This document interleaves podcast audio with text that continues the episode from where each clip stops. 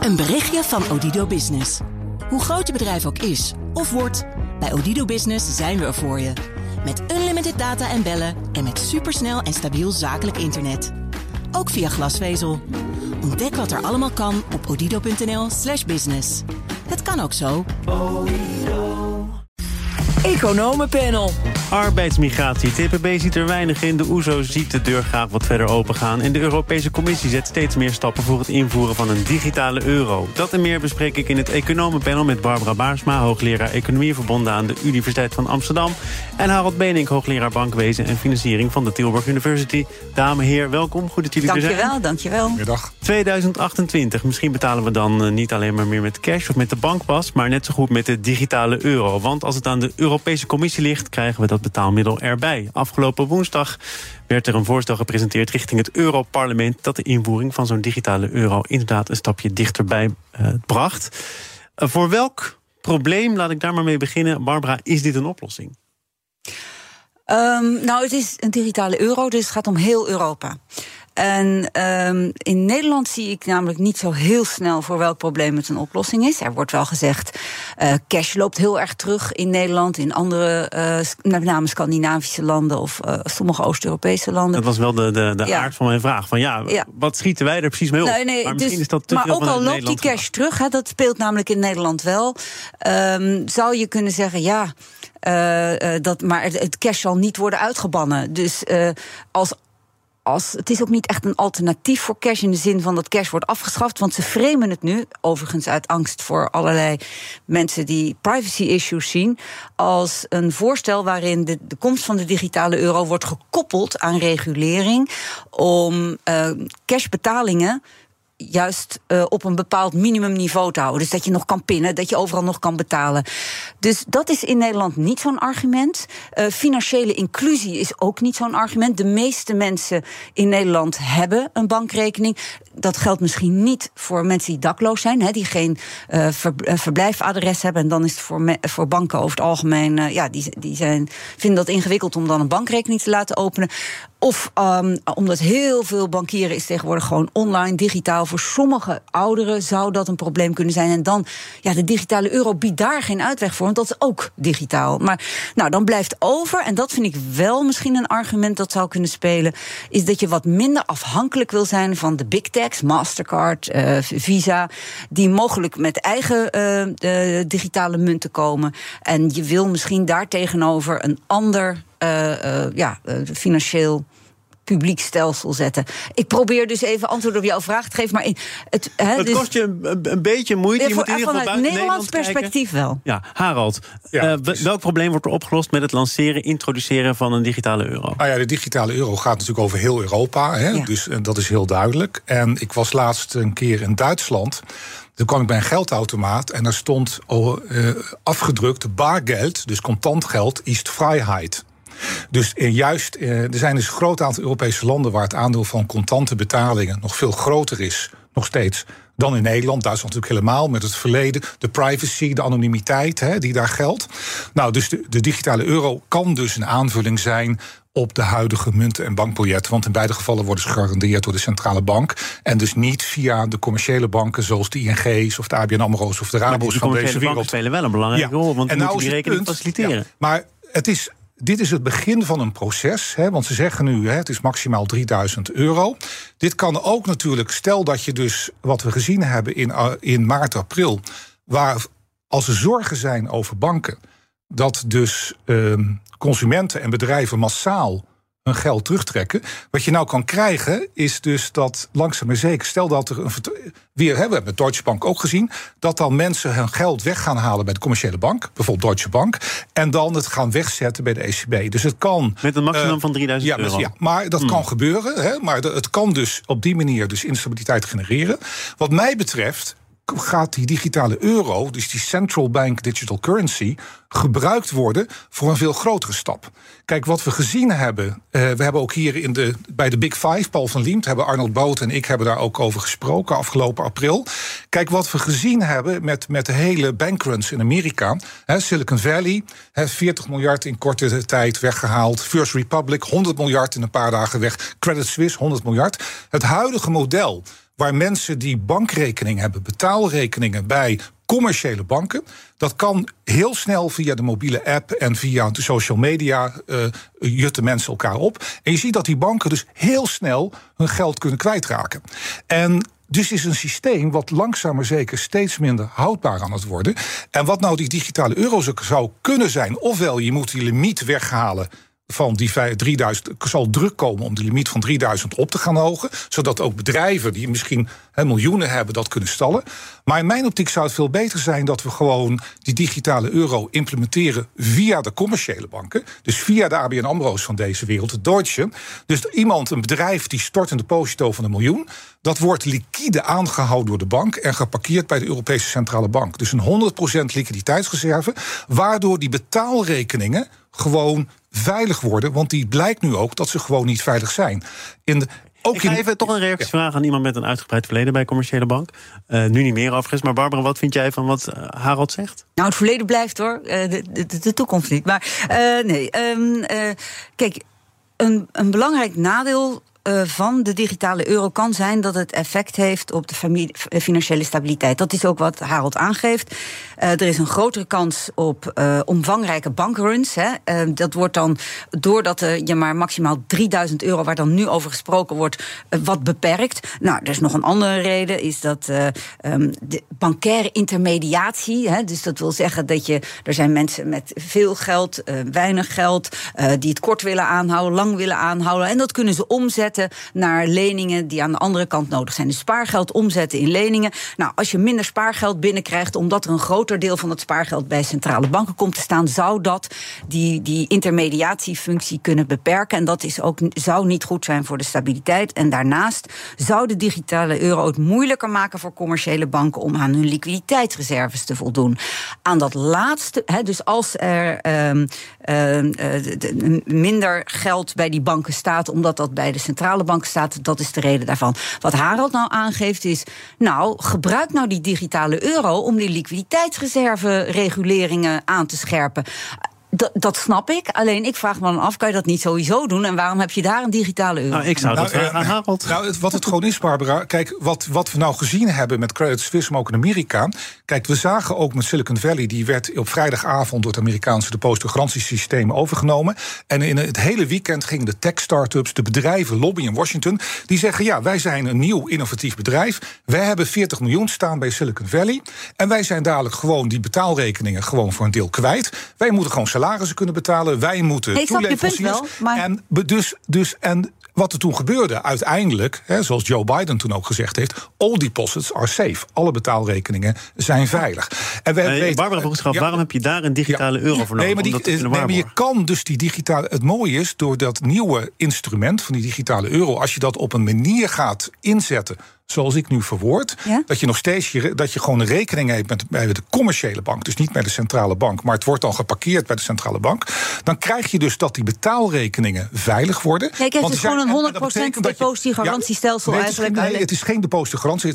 Want dat bestaat dan niet meer. Want ook een bedrijf wat 30 miljoen heeft staan bij de ING, die weet zeker dat dat geld altijd veilig is. Maar wat betekent het wel? Dat die banken zich, de commerciële banken zich op een andere manier moeten gaan financieren. en die zullen dan, als ze die meer lange, eh, lang vreemd vermogen, obligaties moeten uitgeven. Maar hoogstwaarschijnlijk om dan ook die rente op die obligaties een beetje binnen de perken te houden, zullen ze ook meer eigen vermogen moeten gaan houden. Kijk, banken hebben nu nog in heel Europa, de grote banken, 5% eigen vermogen.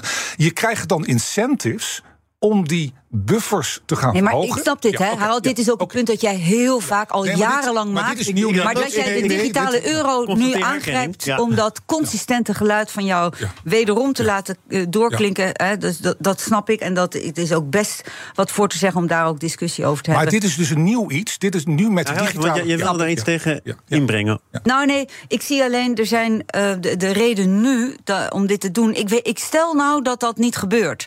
Stel nou dat er, uh, dus zonder jou uh, de achterkant goed oplossen, laten we het zo zeggen. Ja. Dus dat je de, de private tussenpersoon gebruikt, de bank, daar, die hebben, dat zijn consumentenbanken, die kunnen met klanten omgaan. Dus die zorgen dat je een rekening kan openen, maar die stallen het bij de centrale bank, Precies. wat jij eigenlijk zegt. Dus daarmee is het niet meer gewoon ouderweg of giraal geld, maar wordt het wel een, een, een verplichting van de centrale bank, hè, zoals cash eigenlijk. Ja, en wil je eigenlijk veel meer zekerheid inbouwen. Hoe groot acht jij de kans dat dat gebeurt? Nou, ik weet, Barbara, dit debat speelt niet alleen bij ook uh, zeg maar in Nederland, maar ook in Duitsland en Italië.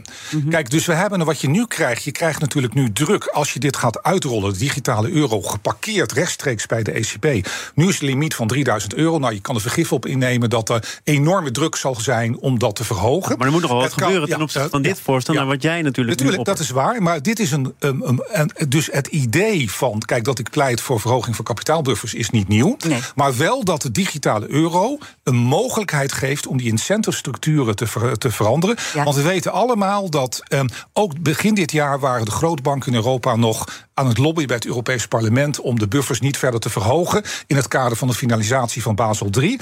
En toen kwam de, kwamen de Amerikaanse bankenproblemen. En het mooie van dit voorstel zou zijn, dan gaan die kapitaalbuffers van banken niet omhoog omdat toezichthouders het zeggen of omdat wetenschappers dat zeggen, maar omdat die banken zelf de prikkels hebben. En het verdienmodel voor de bank blijft gewoon de rente en een vergoeding van de centrale bank voor uh, de klantfunctie en de nou, loketfunctie die ze hebben. Is zij, zullen, jou... die betaalrekeningen, daar zal eh, voor moeten betaald worden.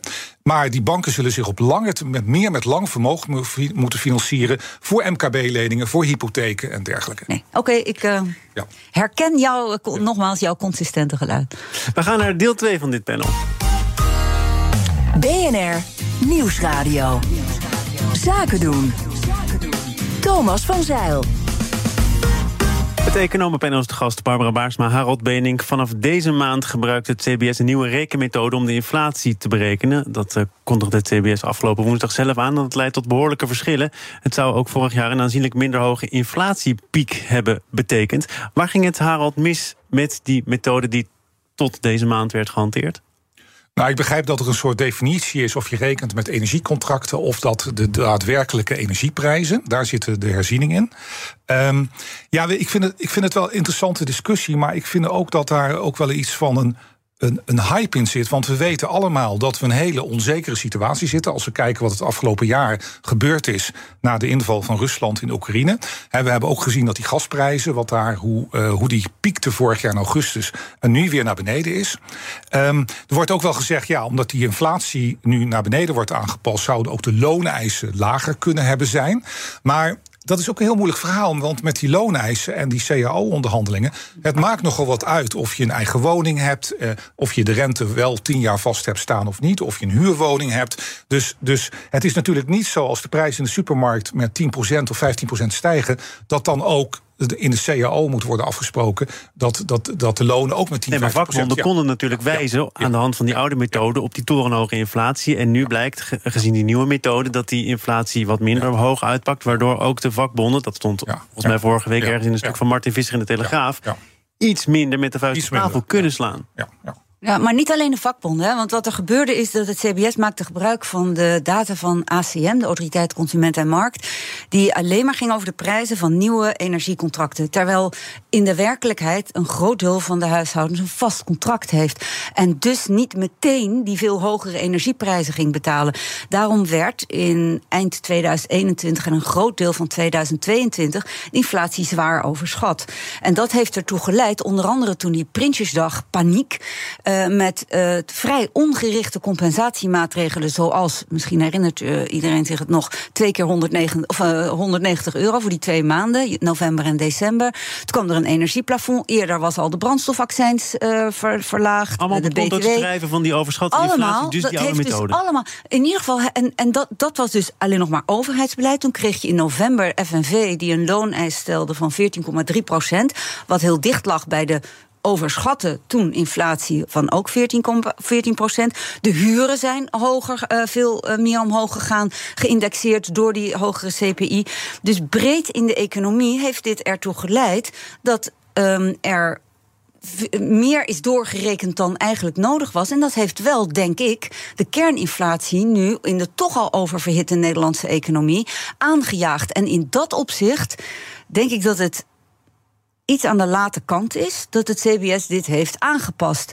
Um, het is beter dat het nu wel is aangepast. Daar laat ik ook niet hier uh, ontzettend zuur gaan zitten doen. Maar ze waren al begin 2022. Nou, dit punt werd eigenlijk al eind nee, 2021 uh, werd dit duidelijk naar voren gebracht. Dus het had, wat mij betreft, iets maar eerder. Het heeft miljarden aan overheidssteun aan de schatkist. Nou, het heeft gewoon tot een hogere kerninflatie die veel moeilijker nu te, be, uh, te bestrijden is. Omdat het ook vanwege die oververhitte economie niet alleen maar meer een aanbodinflatie is en hogere energiekosteninflatie die van buiten komt. Nee, het is langzaam een bestedingsinflatie aan het worden. Als de lonen hoger worden, als de huren hoger worden, als de overheid zo blijft overspenderen. Nou wat? Ja, maar uh, dat is waar, maar in de zomer van uh, vorig jaar weten we ook, toen we die discussie hadden, moet er niet een energieprijscompensatie komen? Ik heb hier een paar keer ook gezeten bij BNR bijvoorbeeld en gezegd van de overheid die wilde het niet, want er was ook een gevoel, we hebben al voldoende aan corona uitgegeven. Er was ook een voorstel van een van de leidende energiebedrijven om dan het aan te laten sluiten bij de energierekening. Uh, veel beter. en, en, en alleen die mensen uh, zeg maar uh, een compensatie te geven. Hè, want uh, ze hebben een bepaalde inkomensgrens en dan toetsen ze de, de mate van huurverhoging. Dat heb ik op een aantal plaatsen ook hier, hier gezegd. Zeker. Hier ook bij, met, bij, met oog op morgen.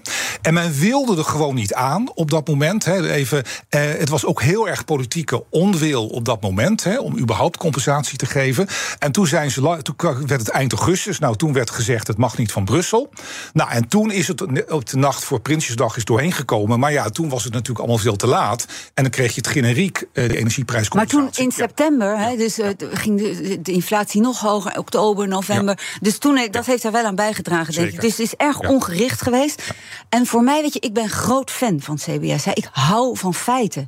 Ik, ik, ik vind dat echt fantastisch. En daarom vind ik het zo belangrijk dat wat het CBS aan de maatschappij geeft dat daar geen discussie over is. En hier was discussie over. En dat is niet goed voor als je de feiten als basis voor beleid ziet. En, en op een ander punt, um, als ik even mag, de, de, bijvoorbeeld de bevolkingsprognoses. Je had het eerder over migratiecijfers. Nou, daar gaan we het nog over hebben hoor. Ja, nou, maar die, ook de bevolkingsprognoses, zoals het CBS die maakt, daar is ook zou je ook kunnen denken: God, dat kunnen we verbeteren. Daar kun je, hè, en dat kun je bijvoorbeeld op. Klopt niet meer dan? Nee, het klopt niet meer. En dat heeft te maken met uh, bijvoorbeeld de fertiliteit, dus het aantal kinderen dat vrouwen krijgen, wordt door het CBS al jarenlang te hoog ingeschat. Het stond op 1,8, 1,9, nu op 1,7.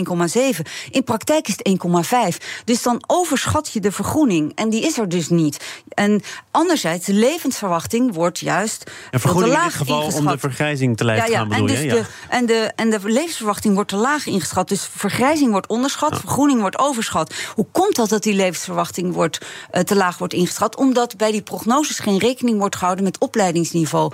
En hoe cru het ook is, mensen die hoger zijn opgeleid worden wat ouder. En uh, als je daar dus voor die samenstellingseffecten geen rekening houdt, dan onderschat je het. Maar ook migratiecijfers worden te laag ingeschat al jaren. En ik denk er is nu zoveel kennis hierover.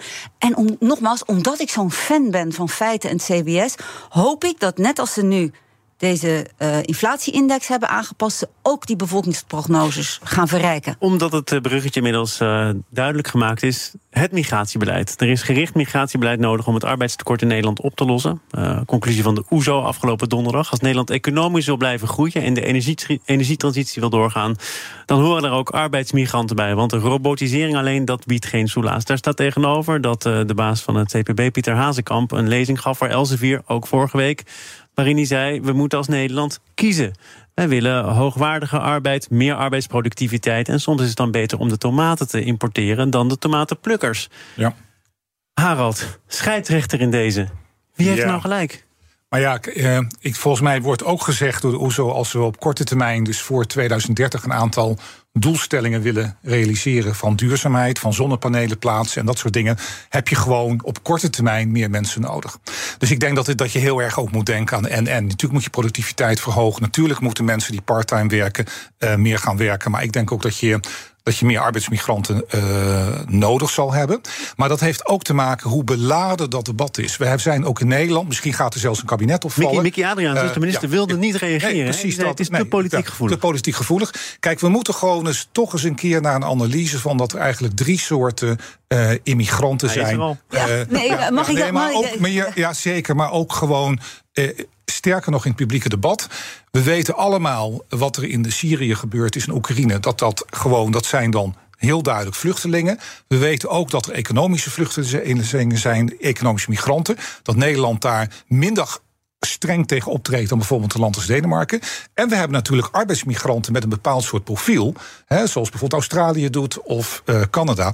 En wij moeten gewoon eens. Die, dit, dit, het loopt allemaal in het debat uh, door elkaar. Hè. We hebben natuurlijk nu ook dat het weer uit de hand dreigt te lopen deze zomer. En dat maakt het debat heel explosief. Niet alleen in Nederland. Maar denk bijvoorbeeld ook aan de situatie in Frankrijk. Hè. Het is natuurlijk een probleem van migratie en integratie. Nou, daar heeft de minister uh, zich ook een beetje lelijk aan gestoten. Hè. Minister van Sociale Zaken. Met wat ze van plan was met ja uit de banlieues. Maar goed. Ja, nee. En het is, dat is gewoon heel zorgwekkend. Dus wij moeten op een of andere manier moeten we dat debat op een rustige manier kunnen gaan voeren. Het is te emotioneel, dat blijkt nu ook alweer. Nou, uh, in dit economenpanel bijna. Hè? Nou goed, daar komt hij. De analyse nou, we hebben uh, als denkwerk um, hebben we een cadeau aan de samenleving gegeven. Juist om het rustiger en beter geïnformeerd te maken, het debat over migratie.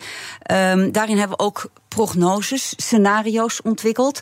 Eentje waarbij je uh, migratie, dat is arbeidsmigratie, asielmigratie, studiemigratie en gezinsmigratie, zo, zo minimaal mogelijk houdt. Dat je de bevolking constant houdt. Uh, maar als je dat doet, dan in, je gaat dan naar 2040 kijken, de piek van vergrijzing in Nederland dan, uh, ja, dan is er toch wel, moet je zeggen, een demografische tijdbom, als ik het zo mag zeggen. Dan um, betekent dat dat we voor de zorg, hè, want dan vergrijs je enorm, um, dat je voor de zorg zeker 3 miljoen mensen nodig hebt om te werken. Als je al, stel dat het je lukt om al die mensen naar de zorg te krijgen, dan betekent dat dat de private sectoren die je juist ook nodig hebt om die publieke diensten zoals zorg te betalen, met 15% moet krimpen. Dus met andere woorden, zo'n minimalistisch scenario waarbij je uh, de bevolking constant houdt, dat werkt niet. Aan de andere kant, en daar heeft haar, uh, dat, dat maakt CPB-directeur uh, ook duidelijk, als je maximaal op arbeidsmigratie zou inzetten. En wat wij dan eventjes als maximaal uh, hebben gedefinieerd in dat scenario, is dat je de, een stabiele verhouding houdt, dus, houdt tussen het aandeel werkende en niet werkende. Dan krijg je problemen met hebben we nog wel genoeg woningen? Tuurlijk, dan ontstaat uh, nieuwe hebben, gaan we niet, loopt het land niet vast. Dus ergens daartussenin zit iets wel. Maar de OESO, hè, waar jij mee begon, die, die zegt iets wat heel veel mensen zich niet realiseren. Waar Nederland nu zijn migranten vandaan haalt, arbeidsmigranten, die komen voor het allergrootste deel uit Europa.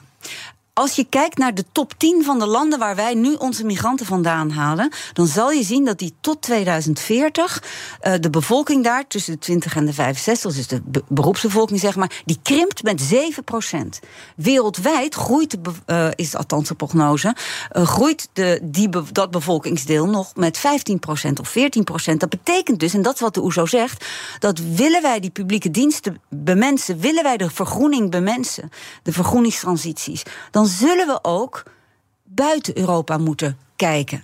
En dat is alleen maar gewoon feitelijk. En het is aan de politiek hoe ze dat wegen en wat ze met deze informatie. Maar kijk bijvoorbeeld wat ASML, ja, kijk dan bijvoorbeeld ook wat ASML doet. Hè. Die haalt ja, hè, dat is zo'n bedrijf in Veldhoven, wat natuurlijk met die computer. Ja. ja, dus dat wel van ja, ik bedoel naar Veldhoven mensen uit India uit de hele wereld haalt. En dat is natuurlijk wel een, een mooi voorbeeld, denk ik. Ja. De Brainport noemen we dat. De Brainport. Kijk, daar wil je wonen ja. en werken. Barbara Baarsma, hoogleraar economie aan de Universiteit van Amsterdam. Harald Benink, hoogleraar bankwezen en financiering verbonden aan de Tilburg University. Dank voor al jullie feiten en emoties. Tot de volgende keer. Dit panel is ook te beluisteren als podcast. Abonneer je vooral even via je favoriete kanaal of de BNR-app. Zometeen gaat het over morele dilemma's in de boardroom. Een berichtje van Odido Business. Hoe groot je bedrijf ook is of wordt, bij Odido Business zijn we er voor je. Met unlimited data en bellen en met supersnel en stabiel zakelijk internet. Ook via glasvezel. Ontdek wat er allemaal kan op odido.nl/slash business. Het kan ook zo.